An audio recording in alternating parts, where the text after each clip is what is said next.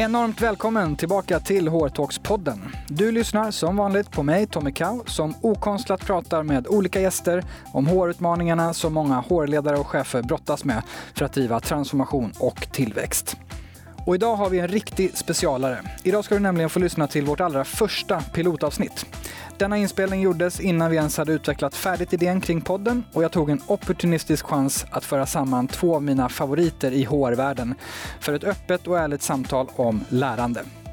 Sedan vi spelade in denna pilot har vi tweakat och utvecklat podden på många fronter och egentligen kanske vi skulle spela om det här avsnittet från allra första början.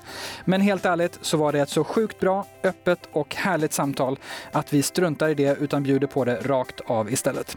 Och nog finns det gott om matnyttiga saker att lyssna på. Precis som i våra ordinarie avsnitt finns det två versioner. Om du fortfarande funderar på varför du idag ska lyssna på det längre avsnittet så är det för att där borrar vi ännu djupare i frågan om lärande som strategi och motor för transformation. Vi pratar bland annat mer om det egna ansvaret i att bygga lärande organisationer, mer om nya lärande arbetssätt och varför det är så svårt att prioritera i transformation. Vi ger också en slänga till HR-funktionen, hör mer om Scandics resa, ger lite goda exempel och förklarar vad budgetkonceptet Left Pocket och Right Pocket innebär och varför du som HR-ledare alltid ska se till att hamna i Right Pocket. Ja, du hör själv. Lyssna på den längre versionen om du vill få ut mer av dagens superkloka och härliga duo. Som sagt, du får avsnittet så som det gjordes från början. Det blir mer ärligt och roligt så. Hoppas verkligen du kommer att gilla det. Nu kör vi! Hej kära lyssnare och varmt välkomna till ett nyfiket poddsamtal om att bygga lärande organisationer. I det här avsnittet ska ni få träffa Siri Vikander och Lars Häggström, två kloka och härliga HR-personer som jobbar mycket med att skapa och leda just lärande. Siri jobbar som Director of People Growth på Scandic Hotels där hon leder en superspännande resa för hur socialt och ständigt lärande ska driva kultur, innovation och nya affärer. Och Lars är en av cheferna på IMD Business School i Schweiz och har tidigare varit HR-direktör i en rad stora svenska företag i snabb förändring. Och vi ska prata om varför lärande är den viktigaste ledarskapsfrågan för 2020-talet, hur man bygger en lärande organisation, hur framtidens lärande kommer att se ut och mycket mer. Så häng med för jag hoppas du kommer tycka att det här är ett riktigt toppenavsnitt. Mitt namn är Tommy Kau och jag älskar HR och jag älskar skarpa samtal, vilket är precis det den här podden ska ägna sig åt. Och det du lyssnar på nu är självaste pilotavsnittet för nya HR Talks-podden. Och därför är jag såklart extremt nyfiken på att höra just din feedback, så du får jättegärna höra av dig. Nu sätter vi igång samtalet med Siri och Lars. Varmt välkomna Siri Vikander och Lars Häggström. Tack så mycket. Tack. Det här ska bli så roligt. Och vi ska ju prata om lärande, en av dagens hetaste ledarskapsfrågor. Det har också varit lite av en röd tråd i era karriärer och jag tänkte vi skulle börja där. Siri, du är ju Director of People Growth på Scandic Hotels. Hur hamnar du där och vad gör du? Jag blev uppringd förra hösten och fick en förfrågan om jag ville komma in då hade Scandic ordnat ett beslut på en plattform eh, och börjat implementera en plattform tillsammans med kommunikation och HR. Eh, och frågade om jag var intresserad av att hjälpa till med implementationen. Och det här har jag drömt om i flera, flera år. Så jag tyckte det var jättekul och tackade ja. Eh, så det är vad jag gör på dagarna nu. Det är att få den här plattformen att liksom verkligen få liv, få alla att använda den, fylla den med grymt innehåll så folk gillar att vara där. Och eh, Lars, eh, jag säger att du är en av cheferna på IMD Business School. Det är Executive in Residence eh, heter det till och med. Vad gör en sån och, och vad är IMD kanske för de som inte känner till? Kort, eh, IMD är ju en eh, business school, alltså du kan säga som ett universitet, men fokuserat på executive development, så utveckling av individer och utveckling av organisationer. Sprunget ur två bolag som samägde det här som ett corporate university och sen under 1973 någonstans där valde att spinna av det eh, och skapa liksom en akademisk institution. Som executive in residence där så jobbar jag med att föreläsa på öppna program och på kundanpassade program främst inom ramen för transformation och stort förändringsarbete. Och sen så jobbar jag i projekt med kunder där man försöker jobba med lärande för individer och grupper och därigenom utveckla organisationen. Och sen så jobbar jag med eh, olika typer av summits, än en gång på tema transformation. Så transformation är väl den röda tråden och kring det jobbar jag kan man säga. Och dessförinnan har jag jobbat i HR-roller i 25 år. Så det här är, eh, jag älskar också HR. Eh, så det här är att jobba med HR-frågorna men från ett något annat perspektiv kan man säga. Lärande, vad är det för något? Men jag tror det, det, lärande har ju förändrat sig. Nej, det, alltså det vi pratar om på Scandic är att vi ska skapa en lärandekultur. Jag tror att första gången jag hörde det var någon gång på 70-talet. Men det det betyder idag är ju någonting annat. Därför att idag när vi lär oss så är det ju mycket mer precis när vi behöver lära oss. Alltså att man, gör, man googlar på Youtube för att man ska baka ett bröd och så får man en liten instruktionsfilm och så tittar man på den samtidigt som man bakar sitt bröd. Och den här typen av lärande eh, dels så kräver det andra typer av verktyg, att man verkligen har tillgång till socialt, socialt lärande verktyg på jobbet. Men det är det här som händer nu med hela lärindustrin. Det är att den från att ha varit väldigt klassrumsbunden, väldigt så långa e-learning och eh, med ganska långa mellanrum så är det någonting som händer nu som handlar om att vi lär oss precis hela tiden varje dag. Och att man som ledare till exempel kan söka informationen precis. Nu ska jag ha ett utvecklingssamtal eller nu ska jag ha en teamdag med min grupp och ska planera den. Och då googlar man lite på tips tricks och få fram det. Så att det, det är liksom ett annat typ, mycket mer pågående lärande ska jag säga idag än vad det har varit. När vi pratar lärandekultur idag så är det mycket mer att ledarna behöver vara proaktiva eh, i sitt lärande varje dag. Jag tycker det är den stora skillnaden. Och att möjliggöra att man kan lära sig när man ska göra någonting, ja. alltså samtidigt. Ja. Ja men precis så. Eh, och lära sig av varandra, med varandra. Så att, och det ser ju vi nu på Scandic, det här när vi har en social lärplattform och det är så spännande. Det är att all, när någon postar upp en fråga eh, om hur ska jag jobba med feedback i min grupp till exempel, så är det ju massa andra ledare som går in och svarar på tråden.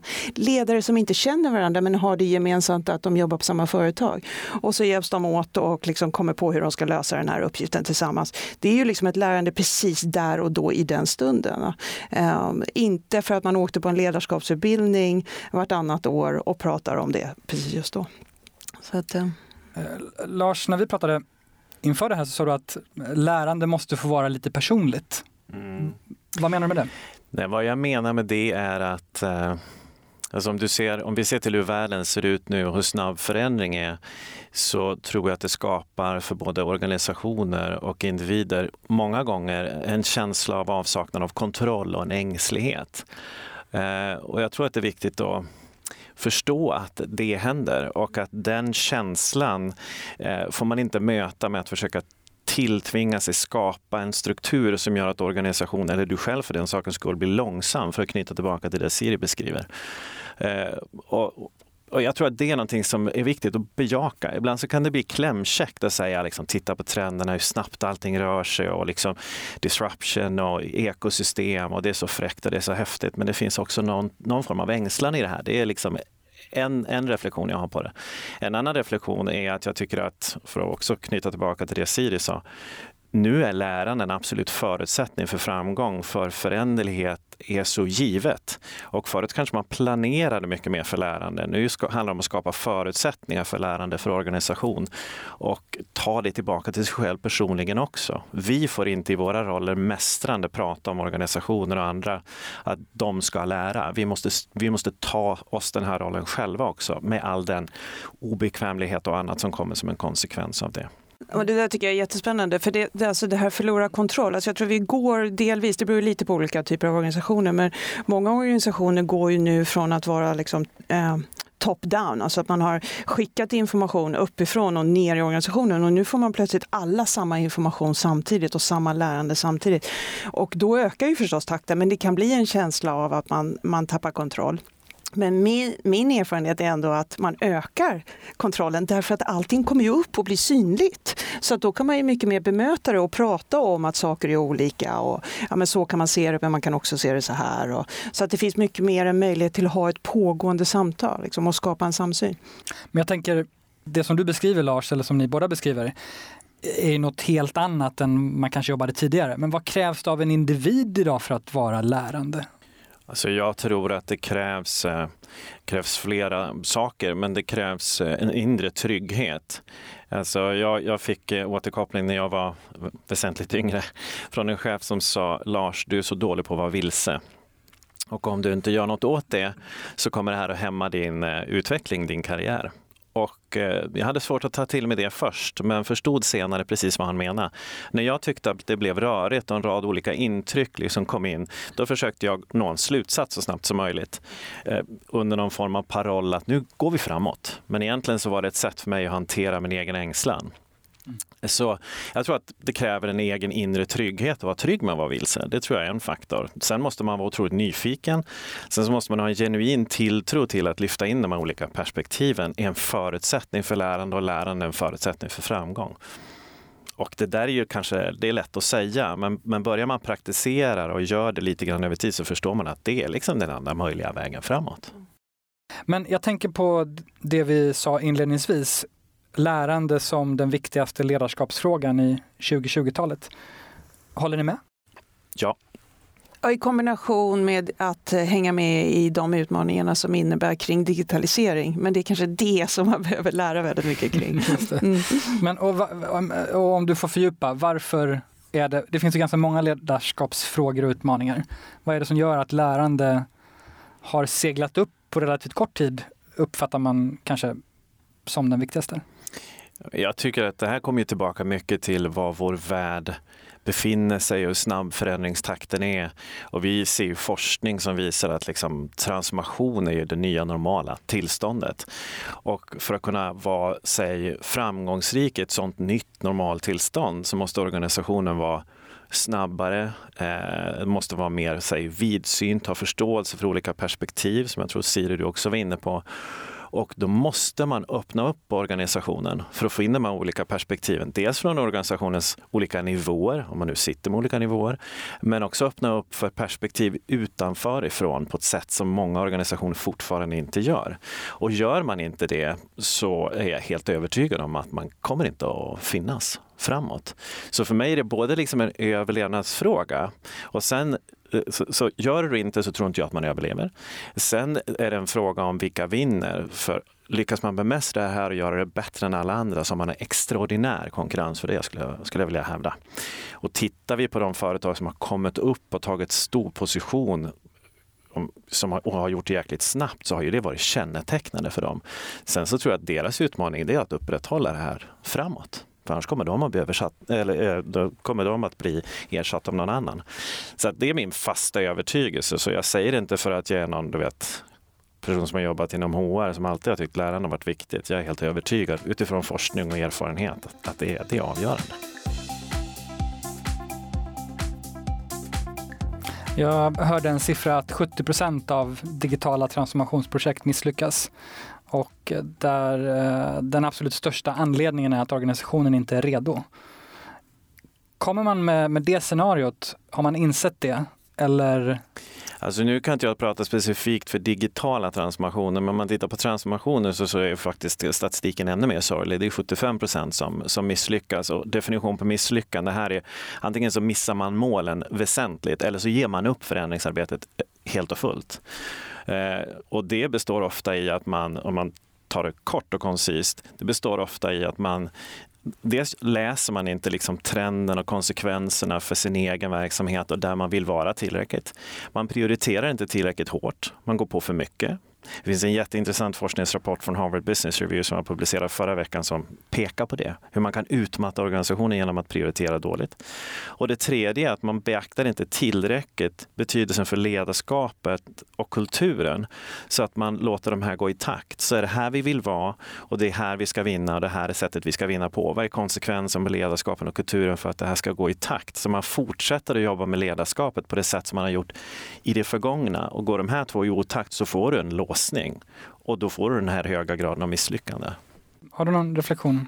Nej, men det jag tänker är, för att spinna lite vidare på det Lars säger, det är ju att man, man behöver dels ha en kultur som klarar det här förändringsarbetet. Eh, eller förändringsresan som man kliver på, transformationen. Och sen behöver man ju ge ledarna förutsättning att klara förändringen. För när medarbetarna börjar liksom sätta igång och göra det här som vi säger, nu ska vi bli mer innovativa eller ge bättre service eller liksom ta mer eget ansvar, då behöver ju ledarna vara påklädda att klara den typen av ledarskap. Eh, och sen behöver man då förstås jobba med medarbetarskapet. Så det, det är på något sätt det måste hänga ihop. Men sen tror jag också eh, när man just jobbar med digital transformation så är det lätt att tänka på det som att ehm, eh, vi, liksom någonting praktiskt. Vi ska ha en bättre webb eller vi ska ha en bättre app eller någonting som är väldigt så konkret. Men när det egentligen, eller parallellt handlar väldigt mycket om nya sätt att jobba. Alltså att man kan inte driva projekt på samma sätt som man har gjort tidigare med de här långa projektmodellerna liksom, och väldigt mycket dokumenttungt och så. Nej, man måste jobba mycket mer flexibelt och agilt och ha stå upp möten och liksom få undan hinder, prata mycket mer, lära sig mycket mer medans man bygger. Eh, och jag tycker de organisationer jag ser som lyckas, de jobbar parallellt med hur de jobbar samtidigt som de gör nya projekt. Men rakt på er resa på på Scandic då, om vi ändå ska, ska ta den lite, mm. lite kort, vad det är ni har gjort? Ja, eh, nej men, eh, slutet av 2016 eller om jag ska gå tillbaka ännu mer. Eh, 2015 så tittade man igenom alla värderingarna och såg att eh, man var inte tillräckligt innovativa. När man frågade medarbetarna hur de hade det så sa de att de kände inte att de hade mandat eh, att ta egna beslut. De gick ofta till chefen och frågade. Och vi såg också det som vi har varit inne på tidigare här under samtalet är att, att omvärlden förändrades i allt snabbare takt och vi var utsatta för konkurrens från liksom Airbnb och de här hotellbokningstjänsterna tjänsterna men också Foodora och Uber Eats som börjar leverera liksom in till våra gäster på rummet istället för att ringa room service. Så vi var utsatta för, och är fortfarande förstås, för en helt ny typ av konkurrens. Vi såg att vi behövde bli mer innovativa. Vi la till en värdering som heter Be Bold Alltså vara liksom lite mer, våga testa saker och ting. Och sen gick vi vidare till att jobba med ledarskapet, tog fram en ny ledarskapskompass. Alla ledare inom Scandic gick igenom en ledarskapsutbildning eh, som är Leadership Lab och som bygger på den här nya forskningen med kollektiv intelligens. Uh, och där klädde vi på ledarna verkligen att klara den här förändringen. Och därefter så valde vi en social eh, lärplattform för att få alla medarbetarna på fötterna att dela eh, bra idéer med varandra varandra, smått och stort. Allt från eh, härliga servicehistorier som att man hjälpt en, en kund att byta vinterdäck eller tagit sina egna skosnören och gett till någon gäst. Liksom. Eh, från, men också till att verkligen ställa frågor och hjälpa varandra som jag var inne på förut i kommentarstrådar. Så att, och det som jag tycker var spännande här det är ju att man valde, när man valde lärplattform så valde man det utifrån visionen. Eh, man, var, man ville ha en lärplattform som var, skulle verkligen engagera alla medarbetarna, ge alla möjlighet att ha det i telefonen precis när man behöver det och kunna söka direkt. Och så valde man plattform utifrån det. Så det blev en, på riktigt en social lärplattform som påminner väldigt mycket om Facebook och eh, Youtube liksom i en sorts kombination. Och sen att man fick till det då eh, att det var kombinerat både lärande och kommunikation, att det drivs tillsammans. För det är inte någon större skillnad mellan, mellan lärande och kommunikation. Vi eh, kan komma in lite på din resa som du gjorde innan du kom till, till IMD på, på Stora Enso. För där gjorde ni också ganska stora förändringar under ett antal år. Och, eh, berätta lite om den. Ja, det första jag vill säga är att jag är inte där nu. Nej. Så att eh, jag berättar om sig, en del av den här resan som de fortfarande befinner sig på. Jag var där i sex och ett halvt år. Men när jag började så kom bolaget ut ur en extraordinärt svår period. Och det är ofta så transformationer ser ut. Man har kanske bettat för länge på fel väg. Så att den första delen av transformationen handlar om att liksom go from red to black, alltså komma tillbaka till lönsamhet. Så att när jag började, då hade organisationen förenklat kommer tillbaka till lönsamhet. Problemet sedan när man satte en ny riktning, man ville jobba för att bli liksom ett renewable materials-företag, man ville jobba med liksom att ha alternativ till plast och alternativ till betong för byggnadslösningar och så vidare. Det var att organisationen var på så många sätt fel för att realisera det nya. Alltså man var en sån klassisk pyramidorganisation där man skulle producera så mycket som möjligt till bra kvalitet så billigt som möjligt. Och helt plötsligt så skulle man jobba mot nya, nya kundsegment. Att jobba kundnära skulle vara viktigt. Man skulle vara duktig på innovation. Man skulle jobba globalt och, och mångfald ifrån perspektivet perspektiv var centralt. Och tittar man på organisationen där vi befann oss så kan man så här i efterhand nästan skratta åt hur snett ute vi var. Så att den här resan som jag var med om handlade om att försöka ställa om organisationen. Skapa en nätverksorganisation parallellt med den här mer hierarkiska strukturen så att vi kunde jobba med befintliga produkter och försöka säkerställa lönsamhet där. Och samtidigt bli mycket bättre på att vara kundnära och innovativ i mer av en nätverksstruktur. Likt du var inne på Siri så formulerade vi ju ledarskapet. Vi hade applåderat ett visst ledarskap tidigare som vi nu helt plötsligt sa, nej, det är inte det vi ska ha, vi ska ha något helt nytt. Och så definierade vi det hemskt enkelt, men gjorde det också extremt konkret, både i form av att utveckla ledarna, men sen också utvärdera ledarna ganska hårt. Alltså så att det blev en så otroligt central del av, av strategin. Men det var också vissa som tyckte att den här övergången var ganska tuff. Eh, för det var inte, du vet, man kan höra det, det hörde jag så sent som den här veckan från någon kund som var på IMD. Nu ska vi praktisera ett, ett annat typ av ledarskap och det börjar nu vad är det för snömos? Det kommer ju aldrig att hända om man inte är mer tydlig med varför är det en sån central del i strategin, varför är vadet och huret helt avhängigt varandra? Vad är det som gör att, att, att vi har liksom slagit fast att det är det här vi förväntar oss av chefer? Och hur skapar vi förutsättningar för dig som chef att ställa om och jobba på det här sättet? Och hur bejakar vi att det här kan vara tufft, ängsligt? Men sen över tid när vi har skapat förutsättningar för chefer, hur utvärderar vi också dig på det? Och faktiskt plocka bort chefer som vare sig vill kanske kan jobba på det här sättet. För gör vi inte det så skapar man inte förutsättningar för den övriga organisationen att finnas med och, och, och ge input och så vidare till det nya sättet att jobba på. Och det här är en otroligt ingenjörstung organisation så vi mätte ju liksom allt. Och nu har ju förvandlingen kan man säga skett fast den är fortfarande pågående med liksom aktiekurserna har dubblats. Eh, Lönsamheten är sprungen ur de nya produkterna. Vi gjorde en net promoter score på varje chef som gick från minus 10 till plus 28. Så vi har ju liksom otroligt konkret idogt och jobbat med det här över lång tid. Vilket blir min sista passus på det här, för det tycker jag också är en intressant paradox. Man kan tycka att nu när saker och ting är så extremt föränderligt, finns det någon idé med att ha en strategi, att ha ett fokus och jobba med det över tid? Och min bestämda uppfattning är att jo, det gör det visst det. Men sättet att jobba med det måste förändras. Så att Ska man jobba med till exempel att förändra ledarskapet och kulturen, det gör det ta med tusen, inte på ett kvartal eller två. Det tar lång tid. Så att det måste du hålla i. Men sen sättet, involveringen och flexibiliteten och så vidare, mycket av vad Sira varit inne på tidigare, det är sättet att göra det som, som, som blir helt annorlunda. Men strategi och prioriteringar, det måste du absolut ha.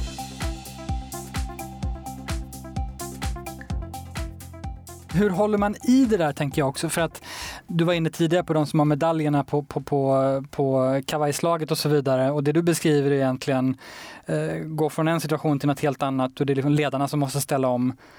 Hur håller man i det? För jag misstänker att alla hoppade inte högt och sa det här kör vi på. Alltså jag, en, en reflektion som, som jag alltid haft som någon form av ledstjärna, det är att eh, du måste vara beredd på att det blir oväsen i systemet. Alltså om man, om man förflyttar lärandet till att vara i, i absoluta centret för organisationens framgång och som en väsentlig del i strategin, ja, men då, då spelar du ju på mitten på mittfältet helt plötsligt. Det är frustrerande kanske att sitta på någon form av läktarplats, men man måste också förstå att när man kommer ner där och spelar på mitten på mittfältet, då kommer det vara mycket oljud, det kommer att vara mycket synpunkter och folk kommer att vara förbannade och så vidare. Så att du måste skapa en beredskap för det inom dig själv. Och sen så måste du förankra det hårt där uppe hos den som bestämmer. Hela vägen upp till styrelsen var jättecentralt i, i mitt fall, vårt fall. Och sen faktiskt ut i organisationen så att du får den här rörelsen så att det blir ostoppbart. Jag är till exempel tveksam till kaskadering som många pratar om ut med det till alla. så att folk vet det här är prioritering, det här, det här är vad vi ska jobba med och så involvera med. För då får du en rörelse som du inte kan stoppa. Så bered dig på oljud, förankra uppåt, sprid det utåt och håll, håll i det över tid. Och då måste du mäta. För får du mätandet in där och folk ser att vi faktiskt rör oss framåt så kommer oljudet så sakteliga att tonas ner något och ersättas av med liksom det här ljudet av fan vi rör oss. Häftigt liksom, det händer grejer. Siri, vad Ja, nu får jag massor med idéer. För nu, men jag tänker, bara för att koppla tillbaka till det som du sa lite tidigare Lars. Alltså det är otroligt, man måste ha respekt för hur ledaren har det där ute. De är otroligt operativa. Och för att de ska klara den här typen av förändringsresor så måste de få chans att reflektera. Eh, de måste förstås själva ta sig tid att reflektera men också få lämna det operativa och tänka tillsammans med andra ledare. Hur kan vi göra det här tillsammans? Så jag, jag tror eh, vikten av reflektion situation och verkligen förstå hur tufft de har det med det operativa. Om jag ska addera till det och knyta tillbaka till där vi började så för mig har det här handlat mycket om eget lärande. Alltså jag kan titta tillbaka på min egen karriär och lägga handen på hjärtat och säga att jag har gjort det här dåligt många gånger. Um, av olika skäl. Uh, jag tror inte att jag tidigare kanske har varit tillräckligt mycket inne i affären. Uh, jag tycker tidigare att jag har varit bra på att prioritera för mycket. Alltså jag har bidragit till det här problemet som jag tidigare beskrev. Eh, jag tycker att jag har varit eh, i avsaknad av tålamod att hålla i. Eh, så det finns en rad saker som jag tycker jag har gjort fel och när jag sen har liksom reflekterat över vad har det varit för effekt egentligen så tycker inte jag effekten har varit på den nivå jag vill att den ska vara. Och eh, då har jag liksom försökt definiera vissa saker för mig själv. Jag vill säga det här någonstans, för jag vill inte att det ska framstå som att man står här och mästrar, för det är otroligt svårt. Och jag tycker jag har gjort så otroligt mycket fel. Eh, men vissa deviser har liksom kommit upp för mig så här på senare år. Till exempel att gör hellre dina stakeholders arga i början och skapa en form av tillfredsställelse senare. Med det vill jag ha sagt till exempel det är de här tre prioriteringarna jag tycker vi ska köra på. Det kommer att ha störst påverkan på strategin. Ja, men vad fan, då väljer vi ju bort fyran, femman, sexan. Precis. Det är precis det vi gör för att få kraft i ettan, tvåan, trean. Och så man, möter man de här frustrerade människorna. Tidigare så tyckte jag att det där var skitjobbigt, men nu kan jag ta det. Och sen kommer man vidare till, okej, okay, vad driver man för projekt inom ramen för det då? Då måste man vara taktisk och driva vissa saker som man ser kan ha en snabb effekt, som har lite synlighet, skapa lite energi i organisationen. Var lite smart. Och sen den tredje, övervinn din egen liksom längtan efter variation. Ibland är det vissa saker som man bara måste hålla i över tid. Eh, där man kan säga du vet, man ska coacha ledningsgruppen och förstå att vi kanske skulle kalla den årliga konferensen för samma sak som förra året, bara för att visa att vi håller i. Jag menar, det där skulle jag kunna ha sagt till mig själv hur mycket som helst tidigare, för jag var lika rastlös som alla andra där uppe. Så att, eh, jag tycker mycket kommer tillbaka till att jag har gjort saker fel, vilket har lett mig till att reflektera och göra saker bättre. Dock också knyter an till det du sa om reflektion. Nu har vi kommit till bekännelsedelen ja. av den här podden. Ja. Man kan säga att, eh, om jag ska säga det som jag gör fel tror jag varje dag, det är att jag är för snabb. Och det, det, är en sån där sak som är både bra och dålig. Alltså det är bra att jag är för snabb. Eh, alltså på det sättet att jag driver förändring och jag ber mer, hellre om liksom förlåtelse och ursäkt eh, än liksom sitter och väntar och får ingenting gjort. Men nackdelen är ju förstås eh, att ibland går det för fort. Alltså att jag behöver backa tillbaka, ställa mycket mer frågor, liksom hänga mycket mer kvar. Vad är, vad är det som... För det är det här som organisationen säger om och om igen. Det är det man måste höra. Inte som är den individuella invändningen och rädslan mot en förändring, det, det är som, det, den finns, man måste respektera den. Men den ska inte stoppa projektet. Men det är det här som alla säger, eller den stora massan säger. Det är det som jag om och om igen liksom verkligen så här, pratar både med mitt team och min chef om. Liksom hur, vad är det som är? Ja men nu, det är det här. Okej, okay, hur gör vi med det då?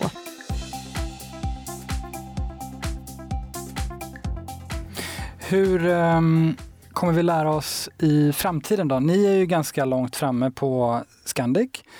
Men nu har vi precis sagt att ja, när man precis har lärt sig någonting då är det dags att lära nytt. Och ni på IMD har ju en, hela er affär bygger på, på lärande på olika sätt. Om vi spolar fram några år, vad ser ni? Alltså någonstans så, så tror jag att vi kommer att se ett lärande som är det här liksom, det med att man har lärt nytt och så ska man lära igen Alltså jag tror att de organisationer och individer som får in det så tydligt i sitt DNA att man ser inte när man lär och inte... Alltså förstår du, det är, bara, det, det är liksom bara en del i organisationens och individens varande. Så är jag övertygad om att det kommer att se ut för de som lyckas. Och så är jag övertygad om att det kommer att se ut för de människor som kommer att ständigt växa och vara mindre stressade. Det blir som ständigt. Jag tror, liksom, vi möter det med kunder också. Nu har vi precis gått igenom en transformation. Ska vi verkligen behöva gå in i en ny? Och, alltså, släpp det där liksom. Det här är det nya konstanta och lyckas man få till det så är det ju otroligt kul. Jag menar, jag har aldrig trivts i en roll där jag inte känner att jag växer. Jag har aldrig liksom trivts i, i mitt liv när jag inte känner att jag växer. Och jag tror någonstans liksom, världen tillhör de som känner så. Det där lät ju hemskt men i någon mån så tror jag att det måste vara så. Om organisationen inte känner så, så är man rökta. De var riktigt krass här. Och det får vi lov att vara här. Det får vi lov att vara här, vad skönt. Det jag tror att vi har um, kommer se om några år ännu mer av, det är dels det korta digitala lärandet som ligger runt 30 sekunder till en minut och som du söker precis när du behöver det. Eh, och det andra är det längre lärandet, det vill säga när vi träffas och reflekterar tillsammans över en utmaning som är precis just nu och som vi liksom inte riktigt kan planera in vilken utmaning den är, utan den har precis uppstått just där och då. Eh, så, att, så både det korta och det längre. Och jag tror också att när vi då träffas för den här längre reflektionen, då tror jag inte vi kommer träffas på en HR-konferens och en marknadskonferens och en kommunikationskonferens och en IT-konferens. Utan äntligen, och det här har jag efterlyst i flera år, så kommer vi se konferenser som, där man för samman, så att det också når ut där, att man kör marknad och HR-konferenser tillsammans, IT och kommunikationskonferenser, alltså man verkligen träffas även utanför bolagen, cross functions. Jag säger eh, tack så mycket, Siri och eh, Lars. Tack själv. Tack för att du bjöd in oss. Detta var alltså pilotavsnittet för nya Hårtalks-podden. Hoppas verkligen du gillade avsnittet. Och du får mer än gärna skicka dina tankar, kommentarer och feedback på vad vi kan göra ännu bättre. Vad skulle göra att det här blev en podd som du lyssnade på igen och igen? Tack för att du lyssnade. Hårtalks-podden ges ut av Cow Company och produceras av Mediemera och du hittar mer information på hrtalkspodden.se. Nästa vecka kommer som vanligt ett nytt färskt avsnitt. Tills dess, ha det bra!